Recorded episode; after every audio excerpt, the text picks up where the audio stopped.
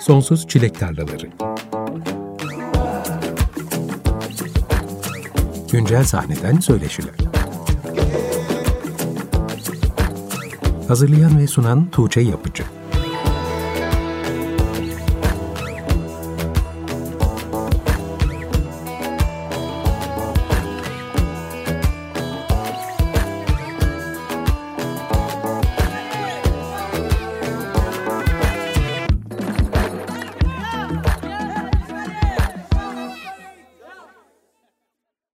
95.0 Açık Radyo'da Sonsuz Çilek Tarlaları programından herkese merhaba. Ben Tuğçe Yapıcı. Bu akşamki programa Ars Longa'nın Umut En Son adlı parçasıyla başladık. Önümüzdeki bir saat boyunca da Ali Sinan Çulhaoğlu ile Ars Longa'nın son dönemdeki çalışmalarını konuşacağız. Hoş geldin Sinan.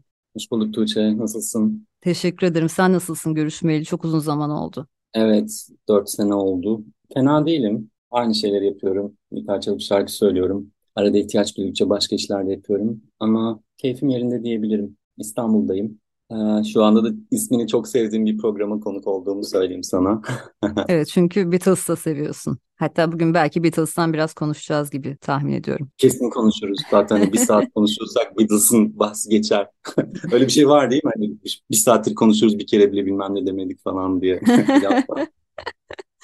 Beatles diyelim yani müzikten bahsediyorsak. Evet seninle muhtemelen bahsi geçecek tahmin ediyorum bu akşam. Hı hı. Ars Songa ile dediğin gibi 2019'da Hayalet Radyo albümü yayınlandıktan hemen sonra Açık Radyo'da buluşmuştuk. Tam 4 yıl olmuş. Aslında 2020'den itibaren yaşadığımız pandemi deneyimine rağmen Ars Songa için epey üretken zamanlar oldu. Sürekli yeni şarkılar duyduk sizden. Bu akşam süremiz el verdiğince bu yeni kayıtlardan dinleyelim ve 2020'den beri Ars Songa cephesinde neler olup bitiyor biraz üzerine konuşup arayı kapatalım istiyorum. Nasıl geçti görüşmediğimiz 4 sene hem senin için hem de Arslonga için? Arslonga için hani 2019 bazı şeylerin hani sona erdiği bir dönemde. O dönemki kadromuz dağıldı. Daha sonra hani yaklaşık 3-4 ay sonra Avrupa Müzik'ten bir haber geldi işte bir görüşelim mi diye. Hani ben artık gruptaki tek aktif eleman olarak ben kaldığım için görüşmeye gittim ve hani işte dediler biz sizin müziğinizi seviyoruz, desteklemek istiyoruz. Çok bir kar ve ya da bilmem başka bir beklentimiz yok. Hani bir prestij olarak Arsonga'nın işlerini yayınlamak istiyoruz. Size bütçe vereceğiz hani şarkınızı kaydetmeniz için dediler. Ben de zaten hani şarkı yazarı olarak herhangi bir proje olmasa bile boş durmamayı tercih eden bir insan olduğum için etrafta şarkılar vardı. Özellikle Hayalet Radyo döneminden kalmış bazı şarkılar vardı ya da bazı fikir diyebileceğim genel fikir çatıları vardı. Onlardan işte dört tanesini dinlettim. Bir tanesini seçtiler ki Aşkım Neredesinde o şarkıyla beraber single'lar yayınlamaya başladı. İlk dönem hani 2020'de hakikaten pandemi insanları eve kapattı. Ben mesela o dönem beraber çalışacak müzisyenle kolay kolay bunun için mesela mahalleden bir arkadaşım Lydia Durmaz Güler'le back vokalleri kaydetti. Tuğba o dönem bizle işte Tuğba ile bir yerde buluşup kaydettik ya da bir eve geliyordu. Yani pandemi dönemi evet çok üretken geçmedi. Belki iki şarkı yayınladık işte. Daha sonra hani giderek artan şey sayılarda her sene 3 ya da 4 şarkı yayınlamaya çalıştık. Çok üretken bulmuyorum kendimi ya da çok prolifik mi derler daha iyi olabileceğini biliyorum ama hani belki yaş ilerlemesinden, belki başka sebeplerden eskisi kadar çok yazamıyorum. Ya da yazıyorum sadece execute edemiyorum realize edemiyorum diyebilirim. Bana da çok yazıyorsun gibi geliyor. Çünkü 2021'de ve 22'de özellikle epey şarkı yayınladınız. Yani aslında işte o dediğimiz iki ve üç şarkı. Hani e, Aşkın Neredesinde Eliyaz 2020'de çıktı. 2021 çok güzel bir seneydi benim için. Çünkü hani çok sevdiğim şarkılar. Antakya FM'i yayınladık. Heyula'yı yayınladık ve Karavan'ı yaz sonunda yayınladık. O dönem hem Arsenal'in kurduğu görsel dilde de bir farklı hani bir arkadaşımızla çalışıyorduk Gökçen Erkılıç'la. Onun yaptığı işleri de çok iyi hatırlıyorum. O dönemki o şarkıları çok iyi hatırlıyorum, seviyorum. Ama yani aslında düşünce bir şarkı yazarı, bir artist için hani senede üç şarkı baya baya az. Eskiden hani tamam Beatles gibi senede iki albüm çıkarsın demiyorum ama eskiden mesela her sene bir albüm çıkarmak gibi bir şey var. Ya da şimdi mesela en son Mabel Matiz'in 25 şarkılık bir albümü çıktı ve evet. hani şeyde böyle akustik gitarı aldım ve şey bir şeyler yaptım. Full prodüksiyon, üzerine düşünülmüş her şeyle. Ne kadar ilham verici gerçekten. Ben de onu hedeflemeliyim. Sadece hani belki o kadar çalışkan değilim. Arsonga tabii 2000'lerden beri aktif olan bir proje olduğu için 2006 sanırım tam başlangıcı. Doğru. Hı hı. Senin farklı ekiplerle çok uzun seneler üzerinde ince ince çalışarak hazırladığınız albümlerden sonra bu son senelerde bana daha hızlı üretime geçtiğiniz gibi bir durum varmış gibi geliyor. O da şöyle şundan ötürü olabilir. Eskiden hani albüm evet. odaklı çalıştığım için ve albüm süreci çok vakit alçın. Mesela 4-5 senede hani nihayet çıktı diyorduk bir albüm. Şu anda her sene belki bir şeyler çıktığı için daha sık bir yayın olduğu için belki o yüzden daha üretkenmişim gibi görünüyor olabilir. Peki yayınladıklarından da fazla kenarda bekleyen şarkılar var mı? Kesinlikle, kesinlikle. Zaten hani demin dedim o fikir çatısı şeyleri şu anda da var. Ve hani genel olarak paylaştığım e, fikir teatisinde bulunduğum arkadaşım Mehmet Kemal Ülkenciler çok uzun süredir. Yani işte 2019'dan bu yana. Onunla beraber üzerine durduğumuz, nasılını düşündüğümüz projeler var. Bunlardan birisi e, Gomidas Varteped, e, Ermeni müzikolog, e, 19. yüzyılda yaşamış, 20. yüzyılda da yaşamış Kütahyalı Ermeni müzikoloğun çeşitli derlemeleri üzerine bir çalışmamız olacak diye umut ediyoruz. Hani üzerinde onun üzerinde yavaş yavaş beyin fırtınası yapıyoruz. Birkaç şarkıyı deniyoruz. Yani Ermenice bir proje yapıyoruz. Güzel olacak diye umut ediyorum. Bir de hani İngilizce şarkı yazmak zaten belki de ben ve benim gibi şarkı yazarlarının zaten geldiği yer olduğu için onu da bir denemek istiyorum. İngilizce şarkı denemelerim var. Hiç olmadı değil mi bugüne kadar Arsonga'nın yayınlanmamış da Hayır. konserlerde çalınan vesaire? Konserlerde ancak cover yapmışız. Bir Jeff Buckley tribute ya da Smith tribute. Bir kere Tuğba hani Dolores öldüğünde huzur içinde yatsın. Ondan bir şarkı söylemişti ama cover dışında hani İngilizce şarkı yayınlamışlığımız ya da çalmışlığımız yok. Ama yazdığım bir şeyler var galiba. Kesinlikle üzerinde uğraştım, demolarını yaptım. Nedense sadece iki dakika sürüyor. Biraz daha uzatmaya şarkı formunda döndürmeye çalışıyorum ama bilmiyorum belki hani gece yarısında iki dakika diye kala diye böyle öyle bir konseptte de belki hepsini iki dakika tutup da yayınlayabilirim bilmiyorum. Bu aralar hayal kuruyorum. Avrupa müzikle çalışmaya başlaman da aslında bir yenilik. O da belki özellikle bütçe sağlama konusunda bu single'ların yayınlanmasını kolaylaştırmıştır. Kesinlikle. Çünkü giderek zorlaşıyor bunlara bütçe ayırmak bağımsız müzisyenler için. Kesinlikle yani benim de zaten hani konuşmanın ilk başında söylememin belki de sebebi hani bilinçaltımda çok büyük bir rahatlık yani bu işi yapıyorum ve bu işte bir para var. Tamam hani belki yatlar katlar ya da evler şunlar bunlar değil ama yani geçimimi sağlayabiliyorum. Çevremdeki müzisyen arkadaşlarıma bir alan açabiliyorum maddi manevi hem müzikal hem maddi. Bu değerli bir fırsat ve hani bunun zaten baştan şey ön kabulüyle verilmesi Bizim de çok bir beklentimiz yok. Sadece desteklemek istiyoruz gibi bir şey. Benim için çok değerli Avrupa Müzik ve hani daha sonra Grow sub-label'ına geçti. Antakya FM'den beri Grow label'ı çıkıyor. Dediğim gibi fena fikir değil müzisyenleri desteklemek. Bundan birkaç sene önce aslında müzisyenler başka işlerden ayırdıkları bütçelerle hı hı. kayıtlarını, mixlerini, masteringlerini çok da zor olmayan bir şekilde belki karşılayabiliyorlardı ama son senelerde ücretler çok fazla arttığı için bu işlerin öyle yani yayınlamakta epey zorlanıyorlar. Öyle. Yani benim mesela beraber çalışmak istediğim ama hani bütçemin yetmediği insanlar oldu açıkçası. Ama yani biz de fena gitmiyoruz işte. Alçak gönüllü bütçemizle. Az önce söylediğin gibi şu an güncel olarak Mehmet Kemal Ülkenciler davulda sana eşlik ediyor. Diğer Hı. enstrümanlar için kayıtta destek aldığın müzisyenler var mı yoksa sen mi çalıyorsun her şeyi? Oluyor. Genelde ben çalıyorum. En yakın dönemden hatırladım. En derinde Mehmet Kemal'in bir jazz triosu var standart trio isimli. Ondan Can Fuat Sezer upright bass çaldı. Mehmet bazen hani piyano çalıyor kayıtlarda. Ben işte org çalabiliyorum, bassları ben çalıyorum genelde. Mesela en son şarkımız, en son singlemiz Misk'te. Albümün yani daha son zamanlarda yayınladığımız şarkıların böyle bir şey konsepti var. Yine pandemide oluşmuş Mehmet Kemal'le benim evde otururken üzerine düşündüğümüz. Beatles'ın işte 62'den 70'e kadar olan dönemdeki şarkılarının işte erken dönem rock'n'roll'ları ya da işte orta dönem folk'ları, daha sonraki rock'lar, psikodelik alanlar onlara gönderme yapan şarkılar yapacağız ve bunlardan bir albüm yapacağız diye işe giriştiğimiz. Tabii ki bütün Arsongu projelerinde olduğu gibi dört bir tarafa parçalanarak dağıldığımız ama yine bazı şeyleri de konseptleri de yine oturttuğumuz bir şeyde Misk'ten bahsedecektim evet. Böyle çift ses vokalli John Lennon ve Paul McCartney şey gibi benim kafamdaki o zamanki tahayyülümde tabii ki çift sesleri Tuğba yapıyordu. Tuğba'yla bir şekilde uzaklaşınca o şeyde vokal yapabilecek başka insanlar çevremde olduğu zaman onları entegre ediyorum. Mesela en son Melisa Aymutlu isimli bir arkadaşım bir korodan bana eşlik ettiğimiz şarkısında. Onu öyle gerçekleştirdik. Yani şey e, misafir ettiğimiz sanatçılar oluyor evet kayıtlarda. Şarkıdan şarkıya değişiklik gösteriyor galiba. Kesinlikle evet. Katkıda bulunan isimler. Hı hı. Peki bu bahsettiğin Beatles'tan etkilenen albüm aslında şu an parçalarını birer birer duyduğumuz ve yakın gelecekte tamamlanacak bir albüm. Plastik Ruh Bebek mi olacak adı? Evet, ismini de erken dönemde koymuştuk öyle yapıştık kaldı. Zaten genelde bir projede bizde hani tracklist ve şey bellidir. İsim bellidir. Hayalet Radyo'da öyleydi. Günlerde hani belli bir süre sonra öyleydi. Yani 8-9 şarkılık zaten hani 5-6 tanesi yayınlandı. Ee, Ağustos sonu, Eylül başı gibi e, yayınlamayı düşündüğümüz Uzaya diye bir şarkı var. Daha çok böyle Beatles'ın son dönemlerine yakın olduğunu düşündüğümüz daha böyle bir piyano balad gibi. Onu yayınladıktan sonra herhalde sonbaharda kalan son 2-3 şarkıyı da ekleyip albümü o şekilde yayınlarız ve bu şeyi kapatırız, bu defteri. Çünkü yapılacak başka işler var. Çok fazla aynı yerde kalmamalı. Belki 2-3 sene oldu. Yani ne olursa olsun bu albüm ya da bu proje üzerine uğraşalı.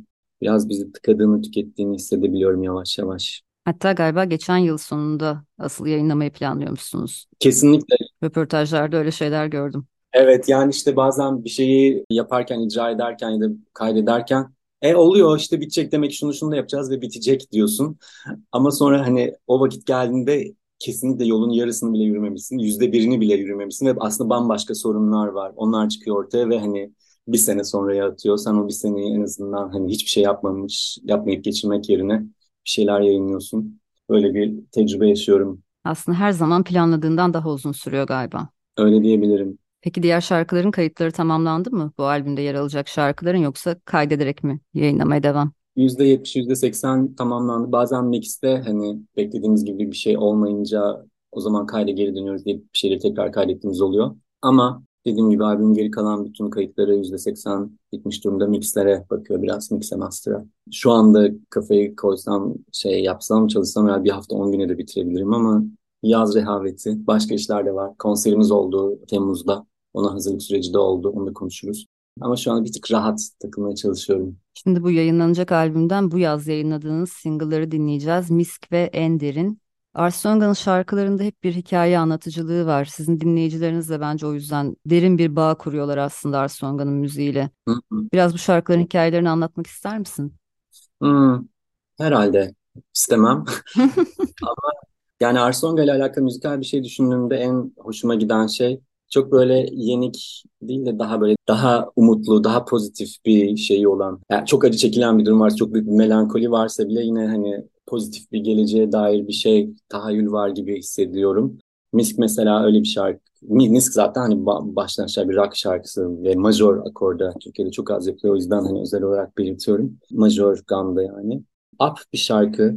Seviyorum elektro gitarları. İlk albüm müzik prodüktörü Umut Gökçen'le kaydettik genelde aldığımızdan daha iyi bir sonuç aldık. Hani kendi başımıza yaptığımızdan onu seviyorum.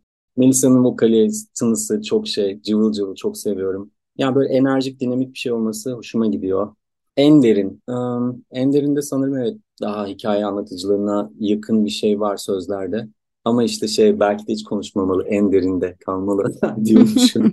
Şarkıların üzerine konuşmak kolay değil, kabul ediyorum. İstersen dinleyelim ha, tabii yani ben şey küçükken de böyle e, müzik gazetelerine, dergilerine çok bakıyordum böyle hani Eddie Vedder falan okuyordum. Lütfen bana şarkılarım hakkında soru sormayın ya da kör köpeğini hep böyle lütfen çekmeyin falan şey. hani o tribe girmek istemem ama zaten şey zaten hissediliyordur özel şeyler olduğu genelde. Çok bireysel hikayelere odaklanmadı ama belki de hepimizin yaşadığı işte gerçek aşk bekler ya da işte aşkın neredesin? Hani o şeyi hepimiz yaşıyoruz belki hani benim bireysel hikayemi ya da şarkının benim için ifade ettiği şeyi anlatmam başkalarının hikayesini bozar diye ayrı bir klişe açıklamayla.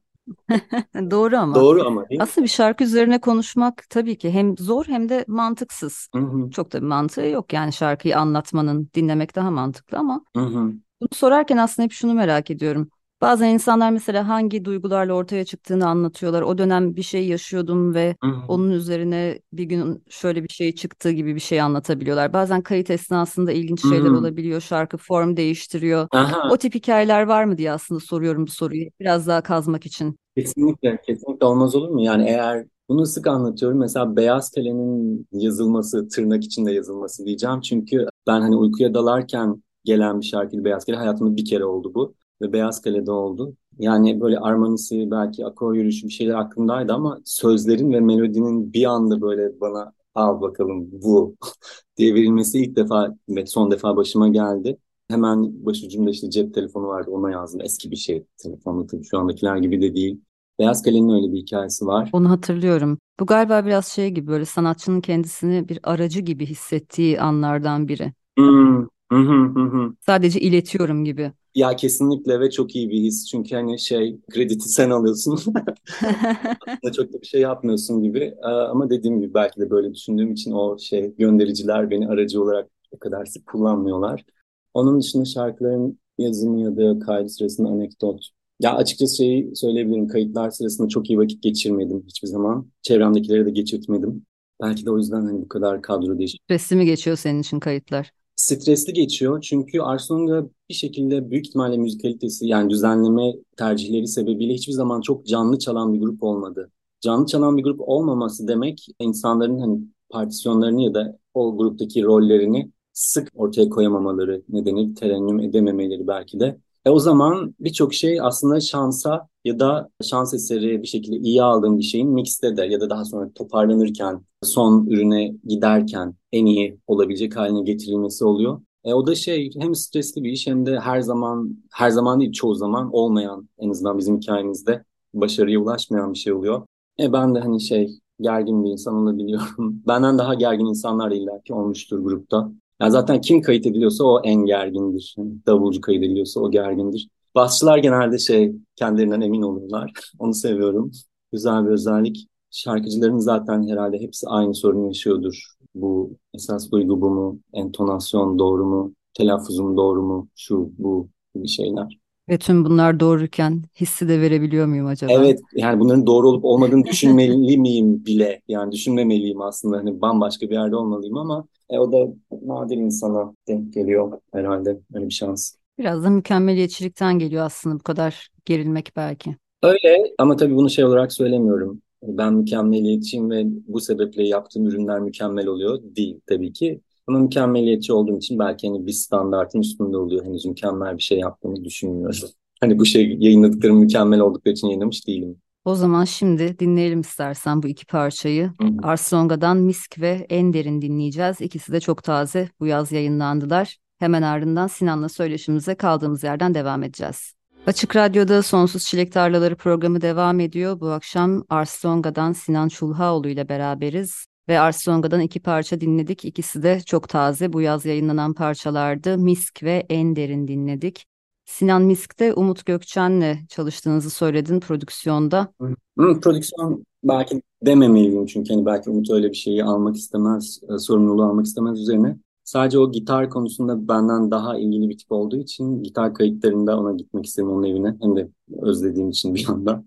Ee, oraya gitmişken hani bir o şarkının gitarlarına da bir şeyler denedik. Ama hakikaten fark ediliyor. Bir daha canlı geliyor. Umut'la bir şeyler yapınca. Dört sene önce geldiğinizde Hayalet Radyo albümünde Hı-hı. albüm kayıtlarında birkaç stüdyo dolaşmıştınız. Evet. Hep stüdyo kayıtlarıyla ilerlemiştiniz. Hala o şekilde mi ilerliyorsunuz yoksa biraz daha ev kayıtlarına döndün mü aradaki süreçte? Um, şöyle 2021'de bazı kayıtlarımızı babacım stüdyolarında aldık. Her zaman bizi çok güzel ağırladılar. Aşkın Neredesinde vokalleri Pür stüdyolarında yapmıştım. Ya Pür stüdyolarında buradan bir övmüş olalım. Orası da süper bir ambiyans. Evde aldığımız kayıtlar oluyor. Ama esas şöyle bir şey var. Biz 2022'nin başında ya da 2021'in sonunda bir stüdyo kiraladık. Beşiktaş, Dikilitaş'ta. Orada bazı kayıtlar aldık ki plastik ruh bebek kayıtlarının birçoğu orada yapılmış şeyler. Davul olsun, bas, gitar olsun. Yani stüdyoda çalışıyoruz diyebiliriz. Çünkü evde yapınca bazı şeyler daha zorlaşabiliyor. Çoğu müzisyen artık evde yapıyor kayıtlarını. Kimle konuşsam genelde tüm albümler ev kayıtları belki sadece davullar için bir stüdyoya gidiyorlar. Evet tamam bizim de mesela öyle yaptığımız şeyler oldu. Antakya FM mesela davullarını sadece stüdyo, ha vokallerini stüdyoda yapmıştık. Ama onun için Emre Malikler'in evinde yapmıştık. Onu da anmış olalım. Böyle yavaştan nostalji turuna başladım ben. Babacığım, Emre Malikler. kimler geldi, kimler geçti bunca yılda? Aynen öyle hani o kadar çok kişinin değildik. Hani Umut Gökçen'in zaten hani anlamız o açıdan da iyi. Ama yani herhalde 20 kişi daha falan sayardım ki iyi ki oradaydı, iyi ki buradaydı. Onur Özdemir'inden tut, Berat İşçioğlu'sundan falan. İlk albümünün de Günler albümünün de prodüktörü Umut Gökçen galiba değil mi? Aynen. Günler Umut Gökçen'in prodüktörlük yaptığı tek Arsenal gelişi. Sonrasında Hayalet Radyo ile birlikte sen o işi üstlenmiştin. Aynen. Hayalet Radyo'yu hani ben devraldım, ben yapıyorum dedim ama zaten bir yerden sonra Uygar, Berat, hatta Tuğba, şey e, Nihal o zamanki kadro zaten herkes aynı şeyi istiyordu. Herkes nereye gittiğimizi biliyordu. Onu beraber yaptık diyebiliriz. Ondan sonraki işlerde evet genelde prodüksiyon bende oluyor. Prodüksiyon derken de hani bir şeyleri oldurmak, bu yani çok büyük sanatsal ya da state of art bir şey koymak değil de ortaya yani bir müzik yapılacak ve bu müziğin yapımının başında birisinin olması gerekiyor. Çeşitli ifadeleri belki de yorumlaması gereken ve yorumlatması gereken çalışan müzisyenleri. O işi ben yapıyorum. Birazdan bu parçalarını birer birer dinlediğimiz tamamlanmaya yakın olan Plastik Ruh Bebek albümünden iki parça daha dinleyeceğiz. Harca Alem ve Aramızda Okyanus'u dinleyeceğiz. Hı hı. Ondan önce şunu sormak istiyorum. Şimdiye kadar bu albümden duyduğumuz şarkılar Beatles'ın hangi dönemlerine referansta bulunuyor? Hı. Ya da şöyle sorayım belli albümlere veya şarkılara mı referanslar var yoksa Beatles'ın müziğinde daha genel anlamda bir ilham bulma durumu mu söz konusu senin için? Yani Beatles'ın müziğinde ilham bulma durumu zaten en başından beri var. Hani günler ve günler öncesinden, günlerin eskisinden beri var. Yani Armstrong'un müziği her zaman Beatles'tan etkiler taşımıştır, taşıyacaktır. Bu albümde ama daha böyle hani pastiş de demeyeceğim ama özel olarak bazı belki çerçeveleri aldık diyebilirim. Ondan da kesinlikle parmakla gösterebileceğim bir örnek mesela Umut en son böyle 3-4'lük Vice hissiyatıyla böyle Beatles'ın daha Yes It Is ya da That Boy ya da Babies in Black gibi şarkılarına gönderme yapan bir şarkı. Tabii ki çok ses hani üç ses nakarat, nakarat demeyeyim, refrain diyeyim. Çok sesli armoni yine Beatles'a bir gönderme. Bu akşamki programın en başında dinlediğimiz parçaydı Umut en son. Aynen. Harcı Alem ve Misk daha böyle rock şarkılar. Beatles'ın da böyle straight rockları var işte atıyorum Day Tripper, Paperback Writer gibi. Onunla öyle daha bir rock feeling istediğimizi hatırlıyorum. Bazı şarkılar tamamen böyle bir şarkı var. Nereye yamayabiliriz acaba? Şimdi hani biraz synth koysak Abbey Road'a benzer mi diye. Aynen bazı şeyleri de hani uyduruyoruz ki bahsi geçen abilerimizin konsept albümü Sgt. Pepper'de biraz öyle anladığım kadarıyla hani ilk üç şarkıyı konsept oyunu yapmışlar. Geri kalanlar zaten şarkılardı ve koyduk sadece ortaya diyorlar diye hatırlıyorum. Peki bir tane daha aslında tamamlanmaya yakın olan albüm var. Bir EP. Tek bir parçası eksik. Üç parçası yayınlanmış. Aa, evet. Ve bunun da bir konsepti var. Evet yani o da işte Hayalet Radyo dönemi sonrası böyle boş durmayıp hani grubun o dönemki belki çok iyi olmayan hissiyatına çok gömülmeyip belki her zaman olduğu gibi müzikte teselli bul bulmak için bir proje düşünmüştüm böyle. Elementler hani her biri bir elemente gönderme yapan dört şarkı. Hepsi üç dakika sürüyor falan gibi. Hani böyle şeyler çerçeveler çizmek ya da böyle bir kısıtlamalar yapmak insanın bazı şekilde yaratıcılığını destekleyebiliyor. Bir yandan hani böyle weird göründüğü için hani ilgi çekici de olabileceğini düşünüyorum. Mesela bütün şarkılar 3 dakika. Mesela King Gizzard böyle şeyler yapıyor diye biliyorum. Bütün şarkıları hı hı. 10 dakika olan bir EP'si var gibi. Böyle şeyler denemek hani bizi de diri tutuyor diyebilirim. Dediğim bu proje işte Elementler projesinden Aşkım Neredesin, Heyula ve um, Elias. Veli Yaz, teşekkür ederim. ee, bunlar mesela daha elektronik tabanlı, synth ağırlıklı hatta gitar yok şarkılarda. Özel olarak hani bu Elementer projesi için öyle düşünmüştük. Tamamlarız diye düşündük ama işte son şarkıyı bitiremedik. Ama onu bitirdiğimiz zaman mesela 2026'da bitirdiğimizde bu dört şarkıyı Elementer başlığı altında sunmamızın hiçbir sakıncası olmaz bence. Bu akşam o parçalardan hiç seçmedik ama belki albüm tamamlandığında, EP tamamlandığında tekrar gelirsin. O zaman da o şarkıları çalarız. Çok isterim çünkü çok sevdiğim bazı işler var. Deniz'in hissiyatını çok seviyorum. Heyula'nın çok tuhaf bir şarkı olduğunu düşünüyorum.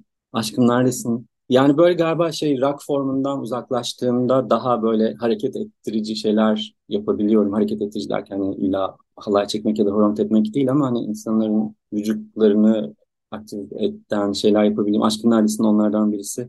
Sevdiğim şarkılar gelmek isterim o yüzden tekrar programa. Gitar çalmaya ara verdiğim bir dönem mi yaşandı?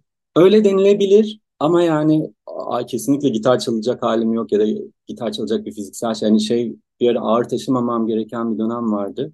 Bir arada gitarım yoktu.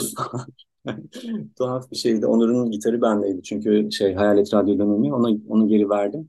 Ben kendi gitarımı daha sonra Emre Malikler'den geri aldım. Gitarım da yoktu yani işte bu elektronik belki şeyimizi seçmemizin sebebi oydu. Ya o dönem synth'le mi Aynen. yapmaya başladın besteleri? Ha, öyle denebilir zaten hani herkesin de bildiği üzere beste yapmak için daha bir enstrümanı gerek de yok. Sadece guide olarak, rehber olarak ya da bir dünya olarak onu seçtik o zaman. Seçtim o zaman. Sen de genellikle nasıl çıkıyor besteler peki?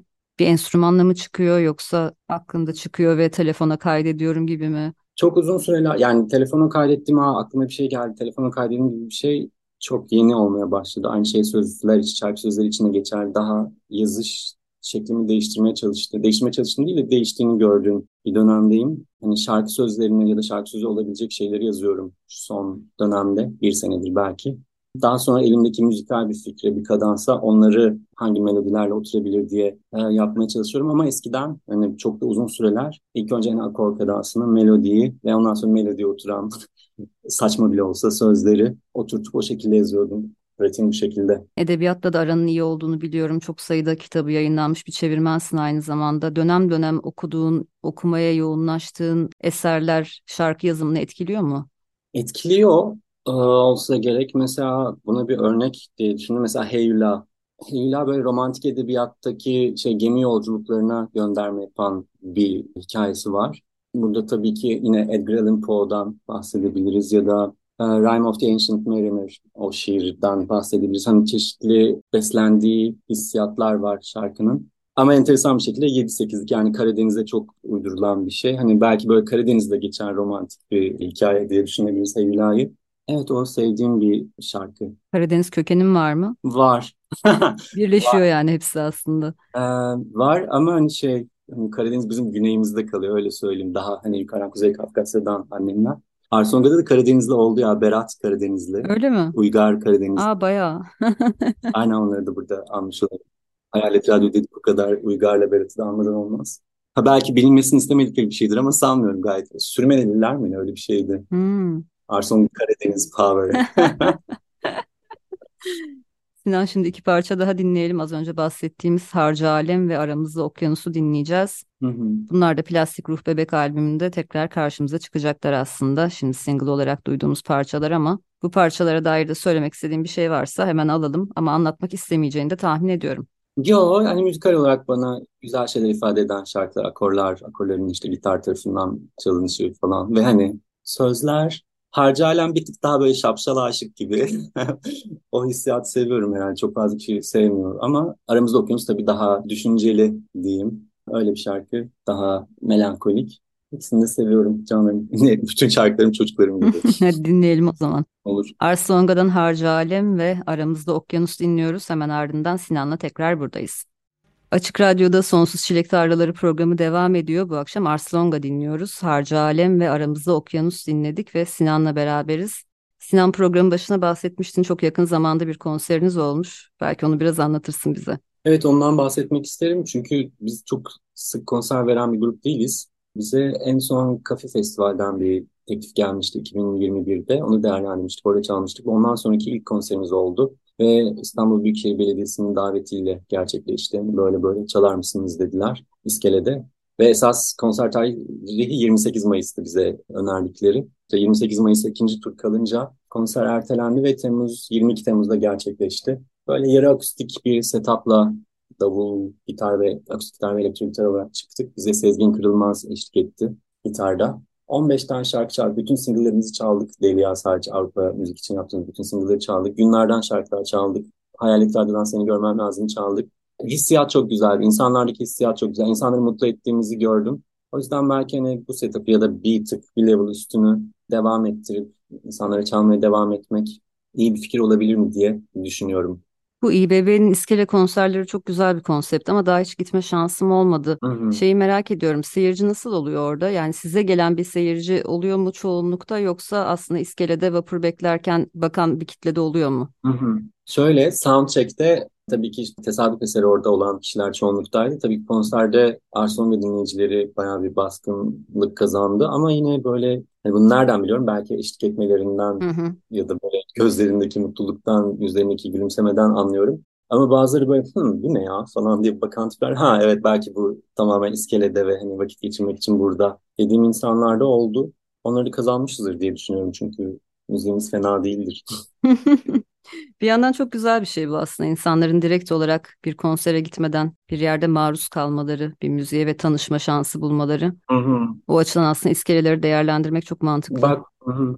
evet maruz kalma şeyini kullanmanın şey yani hoşuma gitti. Çünkü şey ben galiba müziği birisi bana hani şunu dinle dediğinde onda bir kopuyorsam bir yerde bir şekilde maruz kaldığımda yaşadığımda hani özel bir şekilde yükseldiğinde bir müziğe bağlanıyorsam çok daha benim için farklı bir tecrübe ve masalsı bir tecrübe oluyor. Hani oraya girip o yolu yürümek, bir müziği yeni keşfetmek. Hı hı. Mesela Tame Impala'da olmuş. Tame Impala'yı ben ilk defa televizyonda bir telefon reklamı gibi bir şey. Belki şimdi isim vermeyeyim. Onun şeyinde Elephant çalıyordu. Cun cun cun cun cun cun ve böyle hani John Lennon'ın vokalini o kadar hatırlatan bir ses girdi ki yani bir anda çok iyi hissettim ve bu çocukları dinlemem lazım. Tame Impala o kadar meşhur da değildi o zaman. İkinci albümüne yeni çıkmış falan olsa gerek. Ve işte reklamın gücü orada beni yakaladı Tame Impala. Aslında eskiden fiziksel baskı albümler varken bu şekilde karşılaşmalar yaşayabiliyorduk birilerinin müziğiyle. Hı hı. Evet. Mesela ben şeyi çok hatırlıyorum işte Akmar'a giderdim birinin kasetini arardım ve orada bana başka bir şey önerirlerdi. Onu seviyorsan Hı-hı. o yok ama işte şunu verelim. Hı-hı.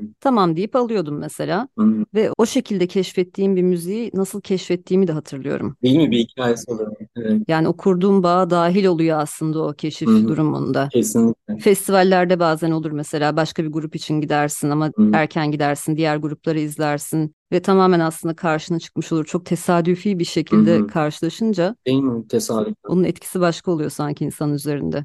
Şimdi aslında internette mesela sürekli Spotify'da gezinirken birileriyle karşılaşıyoruz ya da internette başka platformlarda. O şekilde keşfettiğinde hatırlayacağım bir keşif deneyimi olmuyor. Ama iskelede vapur beklerken girip Ars Songa'ya denk hmm. gelmek mesela hiç bilmiyorsan hiç unutmayacağım bir tanışma olur. Değil mi? Mutlu kazalar diyelim. evet. Şimdi programın da sonuna geldiğimiz için artık şunu sorayım. Sırada ne var diyeceğim, ne gelecek? Ama bu ay galiba uzaya mı geliyor? Aa, evet. Aa, yaz sonu hissiyatını sevdiğim için galiba ya da melankolik bulduğum için yaz sonuna uygun şarkılar dinlemeyi seviyoruz. Deli Yaz onlardan birisi, Karavan onlardan birisi belki. Bu seneye de Uzaya'yı düşünüyoruz. Uzaya'yı. Ee, yani Eylül'de umarım çıkar. Ya Ağustos'ta olmayacaktır. Eylül'de olacaktır. Olursa olmadı Ekim başı. Aynen bir balat bekliyor bizi. Ondan sonra da umarım yıl sonundan önce albüm yayınlamış ve 2024'te yeni projelere yelken açmış şekilde Arsenal yola devam edecek. Umarım sizden yeni albümü en kısa zamanda duyarız ve dilediğiniz kadar da konser verebildiğiniz bir dönem olur bundan sonra sizin için. Çünkü geçtiğimiz 3 sene aslında herkes için zordu. Hı hı. Programda sanatçılarla sık sık konuştuğumuz bir konu. Özellikle son 3 haftadır da çok fazla konuşuyoruz. Eskisi kadar çalacak yer olmaması, festivallerin azalması. Hı hı. Aslında çok sayılı isim dışında neredeyse hiçbir sanatçı dilediği kadar çok konser veremiyor artık. Umarım yeni dönemde bunlar birazcık değişir. Evet yani bunun değişmesi için herhalde müzik dinleyen kitlenin hem nitelik hem nicelik olarak başka bir level'a geçmesi gerekiyor diye düşünüyorum. Çünkü çok fazla artist var, çok fazla sanatçı var. Yani Music Friday Türkiye'de haftada 80-90 yeni iş görüyoruz ki güzel ama hani ne kadar gerçek dinleyici kitlesi var ondan emin o kadar emin değilim konsere giden ya da o şarkıyı evirip çevirip dinleyen ya da albümü dinleyen. Sen tabii 2000'lerin ortasından beri profesyonel olarak müzik yaptığın için hmm. bir karşılaştırma imkanında oluyor. Hmm. O dönemki durumla şimdiki durumu. Tabii yani o zamanlar da aslında yine bir tık daha rahat eskiye göre. 2000'lerde hani Korsan MP3 ya da işte Bulgar CD'si dediğimiz çekme CD'ler ortamlardaydı ve oradan hani çok daha fazla şeye ulaşabiliyorduk. Hani ben 2000 öncesinde Smith diye bir grubu dinleme şansım yoktu. Hani kitabı bile vardı bende işte Stüdyo İmge'den çıkmış. İşte bir sürü kişi bahsediyor dergilerde falan ama hiçbir şekilde onu dinlememin yolu yok. Yani çevremde onu bilen birisi yok. Ankara'da onu satan bir şey yok. E, bir yerden sonra tabii ki daha belki magical bir şey oluyor müzik. Şu anda işte o magic'i insanlar yaşayabiliyor mu emin değilim. Ya da o kadar yoğun bir şey var mı? Yani çok da düşürmek istemem. Herkes müzikten tabii ki keyif alıyor meşrebince.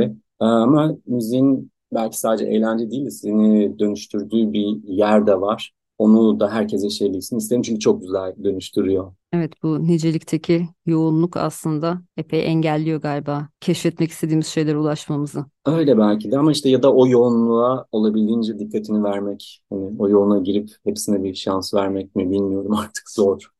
evet eskiye dönecek mi acaba bu durum diye merak ediyorum biraz. Bence çok daha bambaşka bir yere gidecek bu AI teknolojisiyle. Ben hani böyle çevirmenlikte gelecek yok Google Translate sebebiyle çevirmenliği bırakıp şey şarkıcılığa abanıyordum ama anladığım kadarıyla Artificial Intelligence'ın yapabileceği şeyler neredeyse hani böyle ototune'un ya da işte çok kanallı stereo şey kadar yeni bir icat olabilir gibi geliyor. Zaten hani AI'ın başka şeylerdeki etkileri de korkunç büyük olacaktır diye tahmin ediyorum. Değil mi? Orada bir fason bir şey. Evet her alanda karşımıza çıkacak aslında. Şimdi ikimiz de çevirmen olduğumuz için programdan önce kayıt dışı biraz konuştuk. Hı hı. Çeviri piyasasındaki AI'ın etkisi, Google Translate'in etkisini. Hı. Ama müzikte de aslında çok ciddi bir etkisi var. Öyle. Geçen gün işte şey Radar Live'dan ilk festivalimizde o. İlk set listemizi paylaştım. Elif Müftüoğlu hazırlamıştı. Elif Müftüoğlu'nu da şeyden bilirsin. Sakin albümün kapağını hazırlayan, o dönem fotoğraflarını çeken konser afişlerini yapan kız. Çok yakın arkadaşımız. 10 tane şarkıyı yazmış böyle. Bizim de Onlar Bilmez diye bir şarkımız var ama o zamanlar işte kimse bilmezmiş. Kimse bilmez yazıyor bir şarkının altında. Fatih diye yine müzisyen bir çocuk işte soruyor. Ha şey cover Mehmet Gürel cover mı falan dedi. ben de ne alaka ben Mehmet Gürel'i niye coverlayayım falan dedim. Yo bence çok yakışır falan. Sonra 15 dakika sonra şeyi yapmış yollamış. Yani işte Arsonga Mehmet Güreli'den şeyi coverlıyor. Kimse bilmezi coverlıyor. AI üzerinden bir şeyler yapmış. çok komiğime gitti. Of. Aynen. Çok uçuk bir örnek Aynen, gerçekten. Yani tuhaf değil mi? Peki coverlasanız öyle mi olurdu sence? Yani vokaldeki bazı duyguları evet bu benim falan dediğim oldu. Tabii ki hani daha şeye yakın oluyor. yani Mehmet Gürel'in ifadesine yakın oluyor ama hani tınıda, timber'da belki bir şeyler beni hatırlatıyor. Cover yapmak da güzel iş. Aslında ben hani başkalarının şarkılarını daha iyi söylüyorum büyük ihtimalle. Bakalım o yüzden hani bugün bahsettiğimiz bu Gomidas Vartepe ile ilgili proje daha farklı bir alanda açabilir. Hem müzikal hem şarkıcılık olarak. Yani projeleri bekliyorum gelmelerini önüme. Konserlerde belki denk gelmişimdir ama senden hiç cover dinlediğimi hatırlamıyorum sanki. Şeye gelmiş miydin? Smith Tribute gecesine Serdar Charlie Brown'un ya da Jeff Buckley Tribute gecesine. Sanmıyorum. Yani coverlamışlığım var. Zaten mesela yine bugünkü Beatles konseptimize gönderme olarak zamanında Beatles Cafe diye bir yer var İstiklal Caddesi'nde hemen A caminin orada. Evet. Ben Ankara'dan geldiğimde üniversitede okurken hani gitar çalıp Beatles söylemek benim için en büyük olaydı. Sürekli onları çalışıyordum. Beatles Cafe'ye gidip ya ben böyle bir konsept yapayım mı? Sadece Beatles şarkılarından oluşan bir şey yapayım mı? E yap tabii falan filan dediler. Orada bir dönem çalmıştım. Here Comes the Sun, şu var mı gitar gently. Hangi senelerdi? Ben 2001'de geldim. Herhalde 2002-2003 falan gibidir. Hmm. 2005'ten sonra çok gittim üniversitedeyken. Hmm. Orada çok müzisyen dinlemişimdir ama belki dedim denk gelmişimdir. Yaş farkınızı burada ortaya Evet, çıktı. ortaya çıktı. Sinan çok teşekkürler. Bu akşam seninle arayı kapatmak çok iyi geldi bana. Aynen. Bayağı açmışız arayı çünkü fark etmemişim. Kusura bakma. Rica ederim Sancho. Bundan sonra daha sık buluşuruz diye umuyorum. Umarım. Son olarak eklemek istediğim bir şey olur mu? Yani çok keyifliydi seninle konuşmak. Herkese selamlar, sevgiler. Umarım dinleyenler de iyi vakit geçirmiştir. Gevezeliklerimizden. çok teşekkürler tekrar. Bu haftalıkta Sonsuz Çilek Tarlalarının sonuna geldik. Bu akşam Sinan Çulhaoğlu ile beraberdik. Kendisiyle 2000'lerin ikinci yarısından beri sürdürdüğü Ars Longa'nın son dönem çalışmalarını konuştuk. Üzerinde çalıştıkları albüme dair haberleri de aldık. Programın kapanışında yine Ars Longa'nın Günler albümünden, ilk albümünden Beyaz Kale adlı parçasıyla yapacağız. Gelecek pazartesi aynı saatte görüşünceye kadar hoşçakalın.